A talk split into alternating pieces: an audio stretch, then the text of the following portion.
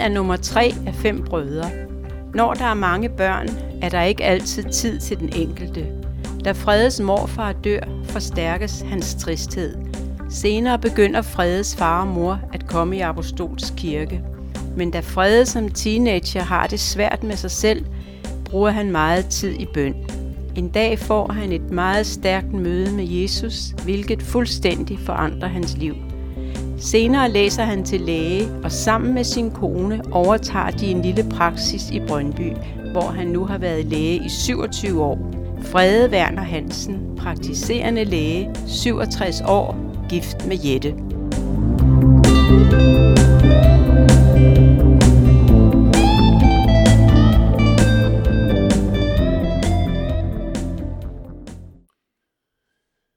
Velkommen Frede til det her interview. Hvordan var din familie?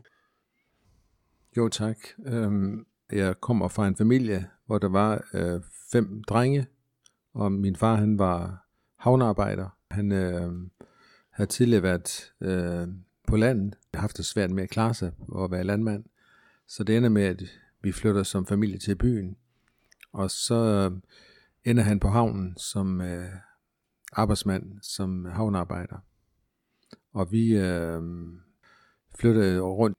Det var små kår, altså sådan var det dengang, men det er der nok mange, der kan skrive under på i slutningen af 50'erne og 60'erne, indtil man blev teenage i 70'erne. Så vi så vokset op øh, der, hovedsageligt en gade, der hedder Vestergade i Esbjerg. Det var der boede vi en del år, hvor vi som drenge boede op af en øh, fodboldklub, øh, Hjerne Boldklub hed det derude i, i den del af Esbjerg. Vi boede så tæt op af banen der. Der havde vi vores leg ind med træer og, og alt, hvad vi kunne finde på. Du gik i søndagsskole i Indre Mission. Det er sådan, at mine forældre mødte egentlig hinanden for mange, mange år siden på Luthers Missionsk Højskole. Og er kommet lidt ud af, for min fars vedkommende lidt ud af Luthers Mission. Øh, min mor det er ud af Indre Mission. Men der var det, mens vi øh, var små, der kom vi stort set ingen steder. Vi havde relativt beskeden forhold til, øh, til det åndelige og til det religiøse. Og så, og så sker der så det, at det jeg var de der 8, 9, 10 år, der ville min mor gerne have, at jeg tog ind til en interventions søndagsskole sammen med et par af mine øh, små brødre. Og det, det gjorde jeg så. Det var et stykke vej derind, men øh, vi, øh, vi gik derind troligt øh, hver søndag formiddag til intervention øh, søndagsskolen. Hvordan kan det være, at I begyndte at komme i Apostolsk Kirke? Øh, min far bliver mere søgende, øh, og, og så ender det så med, at, øh, fordi man kan sige, hvor meget fik jeg ud af søndagsskolen derinde øh, som dreng, jamen egentlig ikke så meget andet. Det var nogle venlige mennesker, som hvor man var med til juletræsfest hver år. Men det var søde mennesker. Øhm, jeg kan huske, øh, det er søndagsskolelederen. Der var sådan en stor søndagsskole. Der var mange børn på det tidspunkt, der kom i søndagsskole. Jeg tror, der var øh, 80-100 mennesker eller 100 børn der, derinde. Så der var sådan små afdelinger. Jeg kan huske der, når man fik en historie, hvordan søndagsskolelederen han sad der og pustede os alle sammen i hovedet. Men, men sådan, det var de der små morsomheder, man kan have bagefter. Men egentlig, påvirkningen, det var, det var begrænset. Og, og, og det, der så sker, det er, at øh, ja, som sagt, min far han bliver mere søgende, eller min far og mor bliver mere søgende, og øh, vi ender så med, at øh, mine forældre, de øh, kommer ind i Apostolskirke, sådan en del af pinsbevægelsen jo, ind i øh, Esbjerg, en lille menighed, men øh, de kom ind for at høre en, øh, øh, en gammel øh, forkynder, som hedder Martinus Bjerre, som mange de kendte godt dengang. Og det, det satte sig dybe spor hos min far, så det hele endte med, at vi øh, lige før at min teenagealder, der begyndte vi at komme i, i den kirke. Du havde måske en depression som 9-årig og nogle år frem. Vi var som sagt fem drenge, og det, der er nok at se til, og jeg tror, der, der er mange, der, der ved, når man har mange børn, så kan det være svært måske at tage øh, hensyn til den enkelte. Øh, den, der råber højst, har måske lettest ved det. Jeg er sådan lidt mere introvert type. som så lidt mere indad. På et tidspunkt i min barndom, der dør min bedstefar. Øh, han døde som 75-årig af en blodprop i hjertet, sådan ret pludseligt. Øh, men trods alt, han var der alligevel 75, og dengang var det ikke et dårligt alder. Men øh, på en eller anden måde, så, har det, så sætter det sig hos mig, og det, øh, og der blev jeg noget trist. Jeg var noget trist i nogle år, og havde det utroligt svært. Var det fordi han betød meget for dig, eller var det dødsfaldet som sådan? Det var nok fordi han betød meget for mig. Jeg havde været uh, enkelte gang hjemme på der. De havde sådan en, uh, en gård ude ved uh, Skovlunde ved Varde. Som barn, der var vi derude også. Og, og, og før min mormor dør, hun døde nogle år forinden, der var jeg lidt yngre, men det er åbenbart ikke sat det præg, som da min uh, uh, morfar her dør på en eller anden måde, så, så sætter det sig spor hos mig, og så blev jeg nok lidt mere, endnu mere, kan man sige, trist. Senere, jeg selv kommer i gang med en uddannelse som læge, og går ind og finder ud af, da jeg læste under lægestudiet, har man også noget, der hedder psykiatri, Øhm, og der, der finder jeg faktisk ud af, at det må have været en depression, jeg har været igennem som barn. Og det, det er jo noget, man, det var man ikke så opmærksom på dengang. Jeg tror i dag, der tror jeg mere, man er, der vil man have mere været fremme og sagt, over, hvad foregår der, ikke? Men øh, jeg kom derud af det altså. Prøv at beskrive, hvad der skete på en lejr, da du var 11-12 år. Da vi så øh, blev en del af den her frikirke, Apostolsk Kirke i, Esbjerg, der var der også nogle lejertilbud. Apostolsk Kirke er jo en landskirke, og de havde jo så også øh, deres egen lejr, hvor de havde i Nordjylland, og, og de havde noget i Midtjylland, og de havde også over på Sjælland. Det var så Storskovslejren i øh, det nordjyske. Det var der, vi som drenge kom. Der var jeg med på sådan en lejr, og der blev sunget sange og bedt aftensbøn og så videre. Og der øh, kunne man også allerede som barn sige, at jamen, du kan bede til Gud, og du kan give dit liv over til ham. Og det, øh, det gjorde jeg så der som øh, 11-12 år. Det gav jeg mit liv til Gud, sagde jeg, Gud, jeg vil gerne tjene dig. Jeg vidste ikke konsekvensen af det, men jeg vil gerne tro på, at Jesus Kristus er, er din søn, og kom ind i mit liv og kom ind i mit hjerte. Og det var en beslutning, jeg tog, og det var en god beslutning. Du gav dit liv til Jesus som 11-12-årig, men det var først nogle år senere, du fik et stærkt møde med Jesus. Ja, altså jeg, jeg besluttede mig for, at øh, jeg vil tro på Gud. Jeg kan kun sige, som også det, som Bibelen siger, at at hvis du med dit hjerte tror, og med din mund bekender, jamen, så er du et Guds barn, og, og sådan er det. Det kan andre ting ikke lave om på. Det er en realitet, og det er det har ikke noget med følelser at gøre, det har noget med tro at gøre. Men det der bare er det, det stærke ved det, der kan man godt opleve det, at, at Guds fred kommer ind i ens hjerte og ens liv. Men det store møde med Gud, det fik jeg faktisk først nogle år senere. Jeg havde som øh, teenager havde jeg nok også som en udløber af det med depressionsmæssige, der havde det meget svært ved mig selv, og var en lille smule, jeg ved ikke, jeg ved ikke om jeg kan kalde det sky, men i hvert fald lidt mere sådan tilbageholdende end øh, flere andre. Jeg vågede mig ikke ud på de store våger, men øh, ved at mine forældre, da vi er på vej ind i teenagealderen, ved at de begynder at komme i en aktiv kirke, der skete der noget i vores familie. Der, der skete noget fra, fra en vis øh, hårdhed, også over min far, det blev til en helt anderledes øh, mildhed og menneskelighed. Min mor var stort set den søde race, som hun altid har været, men øh, igen en gang, der var meget at se til for dem, så jeg tror hurtigt, at man som barn, i, med som blandt så mange børn, hurtigt bliver tabt i, i det spil. Øh, og, og jeg tror, det er der, deraf det kommer. Jeg må sige, jeg har ikke noget at i dag at bebrejde mine forældre for, fordi jeg ser sådan på det, at de gjorde, hvad de kunne og hvad skal man gøre, hvis man ikke kan mere? Altså, og jeg, jeg kan kun sige til mig selv, jamen, øh, så må du jo gøre det bedre over for dine børn og børnebørn. Har du lyst til at fortælle, hvad det var, der rent faktisk skete? Der var øh, ned nede i, i, i den menighed, vi så kom i, der var mange møder, og man kunne gå til også som ung, teenage-møder, og have noget ungdomskom sammen og så videre. Og, men jeg havde også, øh, jeg var også en meget stærk øh, bibellæser, altså, og, og fordi jeg havde det så svært ved mig selv, der bad jeg også meget. Det var nok, det kan jeg se i bagspejlet, det er ikke øh, så mange timer, som jeg har brugt i bøn, det er ikke helt naturligt i dag. Det må jeg nok skynde mig at sige. Men det, der sker så, det er en dag, hvor jeg var i bøn til Gud. Og mange kunne så spørge mig, hvad, når vi snakker om bøn, hvad, hvad mener du med det? Jamen, jeg kunne bede op til flere timer om dagen i bøn, og, og på den måde kan man sige, søge Gud. Og så sker der så det, at, øh, og jeg siger ikke, at man bliver bedre af at bede, det er ikke det, jeg prøver på at sige. Jeg siger bare, at jeg havde det svært med mig selv, og på en eller anden måde havde jeg behov for at møde Gud. En dag, hvor jeg beder, der, mødte, der var han der bare. Der mødte jeg Gud. Jeg mødte en, øh, jeg mødte en overdimensionel øh, kraft og en, en med en fred af en styrke, som jeg aldrig nogensinde havde forestillet mig, at Gud var. Øh, og det begyndte at svare til nogle af de oplevelser og forestillinger, jeg havde læst om i Bibelen. Øh, Guds vældige kraft øh, kom faktisk, kan man sige, kom over mig, og jeg oplevede en enorm fred. Og jeg oplevede egentlig også, at Gud talte til mig om nogle ting i mit liv og, sådan, og fremtid. Og det var det, der er det helt vidunderlige. Og, og det, det gav en ballast for mig, som jeg siden øh, har tænkt på, at så sige, jamen, hvis himlen det er det, så vil jeg gerne i himlen.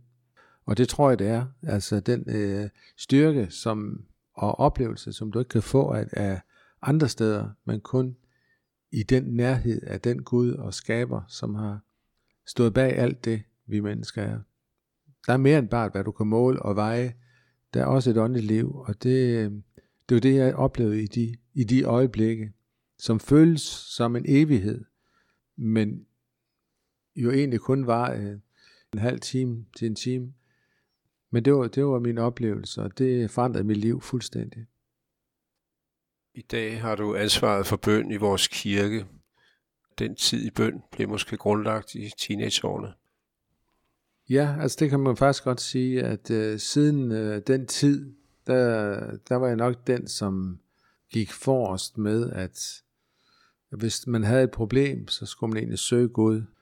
Og, og han er skaberen, og du kan ikke dirigere rundt med Gud, og du kan ikke dirigere rundt med, med Guds helligånd, og du kan ikke dirigere rundt med Jesus. Derfor kan du kun påberåbe dig hans nåde.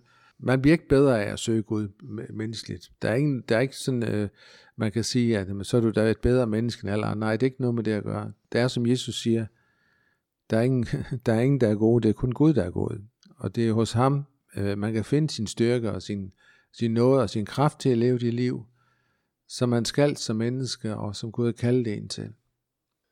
Er der noget, du vil trække frem fra din tid i gymnasiet og som medicinstuderende?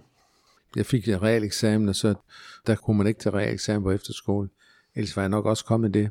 Så jeg fik realeksamen, så kom jeg på, på gymnasiet. Følte som den første i min familie. Nu er jeg nummer tre er i, øh, i rækken.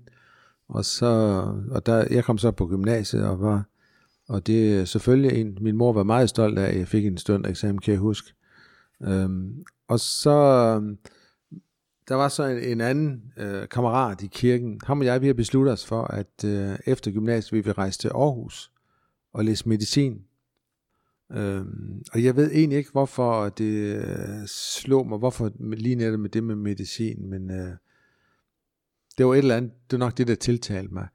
Øhm, og så øhm, 14 dage inden vi skal afsted, så kommer han forbi og meddeler mig, at han er hoppet fra studiet, og er nu søgt ind på lærerseminariet. Der var lige den sidste plads der.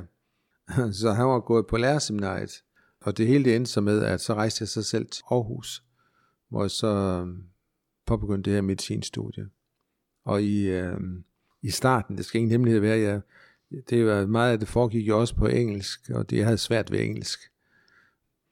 Jeg, havde en, en, øh, jeg fandt en, en, en god ven derop, og øhm, faktisk så var det sådan, at en dag så sagde jeg, ved du hvad, kunne du ikke, kunne du ikke bede til Gud for mig, sagde jeg så til ham, om at jeg må få en bedre forståelse med det engelske. Og han, han bad en bøn med, med hensyn til det engelske også. Og jeg må indrømme at sige, faktisk så gik det meget, meget bedre bagefter. Ja, de første par år øh, var tunge for mig, men øh, bagefter så havde jeg det rigtig godt på studiet. Kan vi komme tættere på, hvorfor du blev læge? Jamen, jeg, jeg ved ikke, hvorfor jeg blev læge. Jeg ved bare, at mange snakker om, at dem, der bliver læger og sygeplejersker, der er et eller andet hjælpegen nede i deres psyke og så videre. Og det kan godt være, at det er det, der er begrundelsen for det. Hvis man øh, måske selv har lidt afsavn af et eller andet. så kan det godt være, at der ligger noget, at man gerne vil prøve på at hjælpe andre til at få det bedre. Det kan godt være, det er det, der er. Men ellers, mine forældre, altså, de synes, det var fint og flot, alt det der, jeg læste læge, men de har ingen forståelse overhovedet for, for hvad det drejer sig om, tror jeg. Fordi, altså, jeg skifter jo øh, miljø, og det er sværere, end man tror. Det er jo ikke sådan, øh, jeg har selv i dag nogle drenge, der, der er blevet læger, ligesom jeg selv er, og det kan jeg mærke, at de havde jo helt anderledes let ved det, fordi det var, de kan jo sproget fra, fra starten af. Altså man skal først til, jeg skulle først til at tale sproget.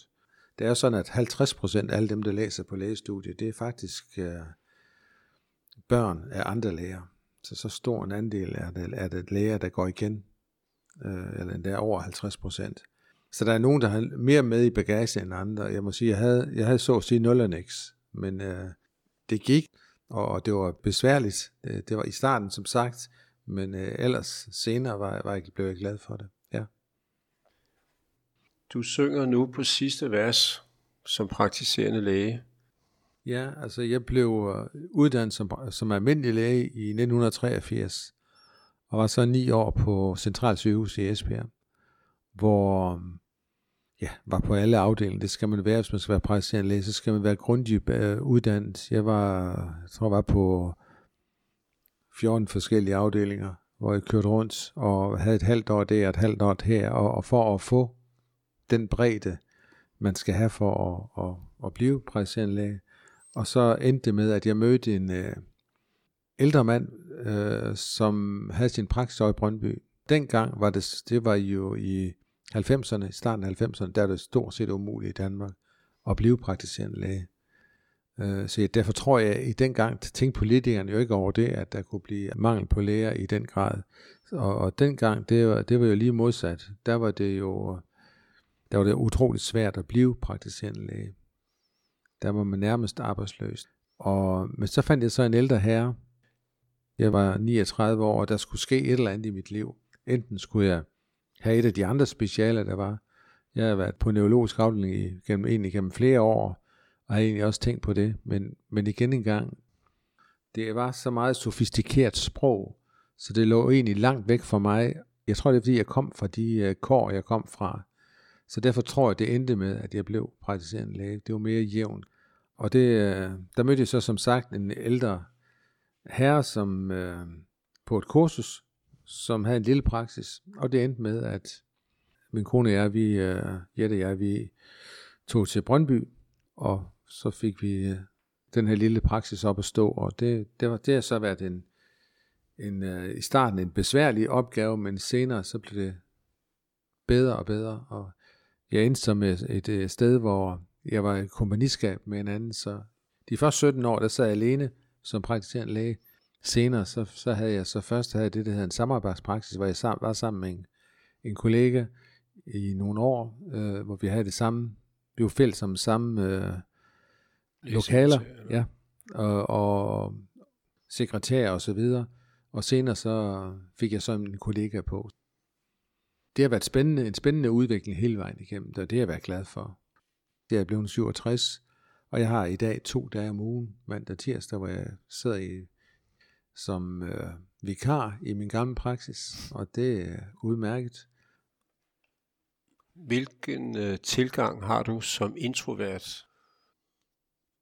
Altså, jeg, jeg tror, der, der sker det, at igennem hele mit liv, der, der bliver jeg tvunget til.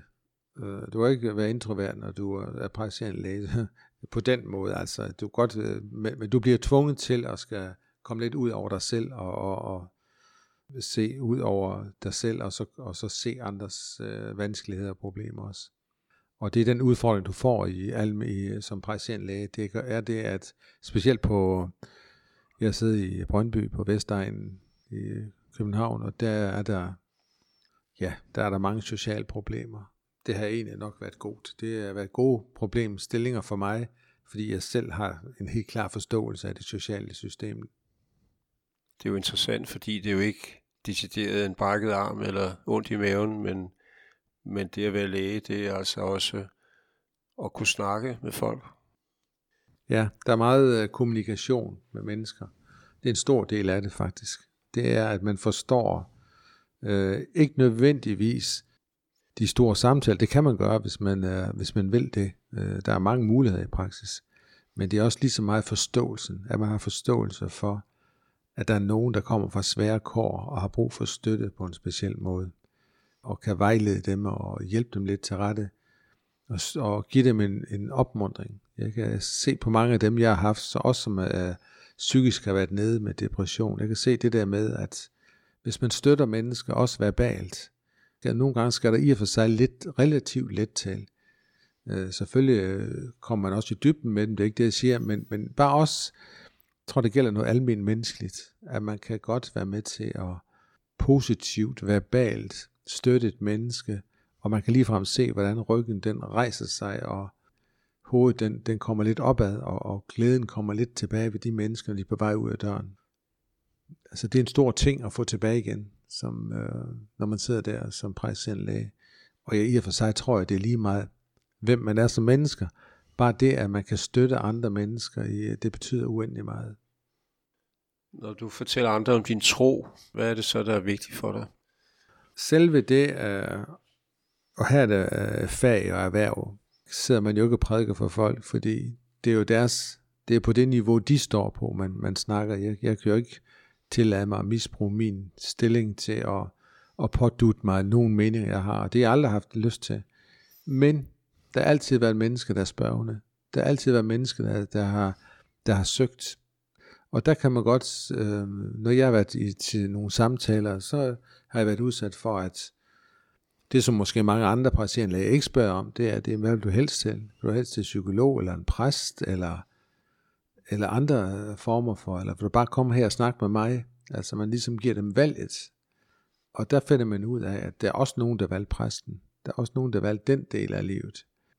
Der er brug for hele spektret, når man er med mennesker og gør, der har det svært. Og man skal bare have respekt for den enkelte, hvad den enkelte vil. Det er dem, der bestemmer, hvad tænker du om fremtiden? Jamen, jeg står her nu øh, som 67-årig og har to arbejdsdage om ugen, og så ellers er jeg meget med i noget kirkearbejde, både dels med lidt ældre mennesker at gøre, og dels med lidt yngre mennesker. Vi har stadigvæk med i nogle kirkelige arrangementer med specielt bøn. Jeg kan godt lide bøn som en del af, af mit liv stadigvæk. Og jeg tror, at det er en hjælp for mange mennesker. Så derfor er jeg med til at holde møder stadigvæk, hvor folk de kan Vær stille, have en bøn til Gud, Læs et ord fra Bibelen. Øh, det er en stor styrke. Og så ud over det, så øhm, elsker min kone og jeg at gå lange ture, øh, komme ud i naturen. Vi har en campingvogn også, vi går elsker at komme ud i og, og slappe af med, øh, bare for at komme i naturen alt sammen kan man sige, som, som kristen har den store fordel og noget, at, at du føler, at der er en, der holder hånden over dig, en, der er med dig, selvom, selvom der kan være svære perioder i, i ens liv. Så det er det, jeg har oplevet i mit liv, at, at Guds noget af det. Og, og fremtiden for mig bliver, at jamen, jeg prøver at se mig om og se, er der behov i nogle menneskers liv? Vil jeg prøve at støtte dem og prøve på at, at skubbe dem lidt frem og og prøve på at, at holde mig, at være tilfreds med mit liv, være glad, være positiv. Det er det, er det der er mit mål i min, min tilværelse. Tak Fred.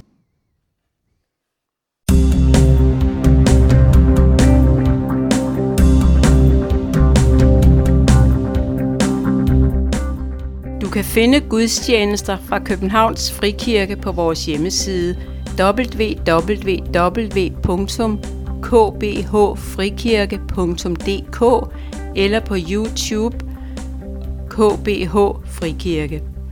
Optaget og redigeret af Kirsten og Bjørn Hansen i 2021.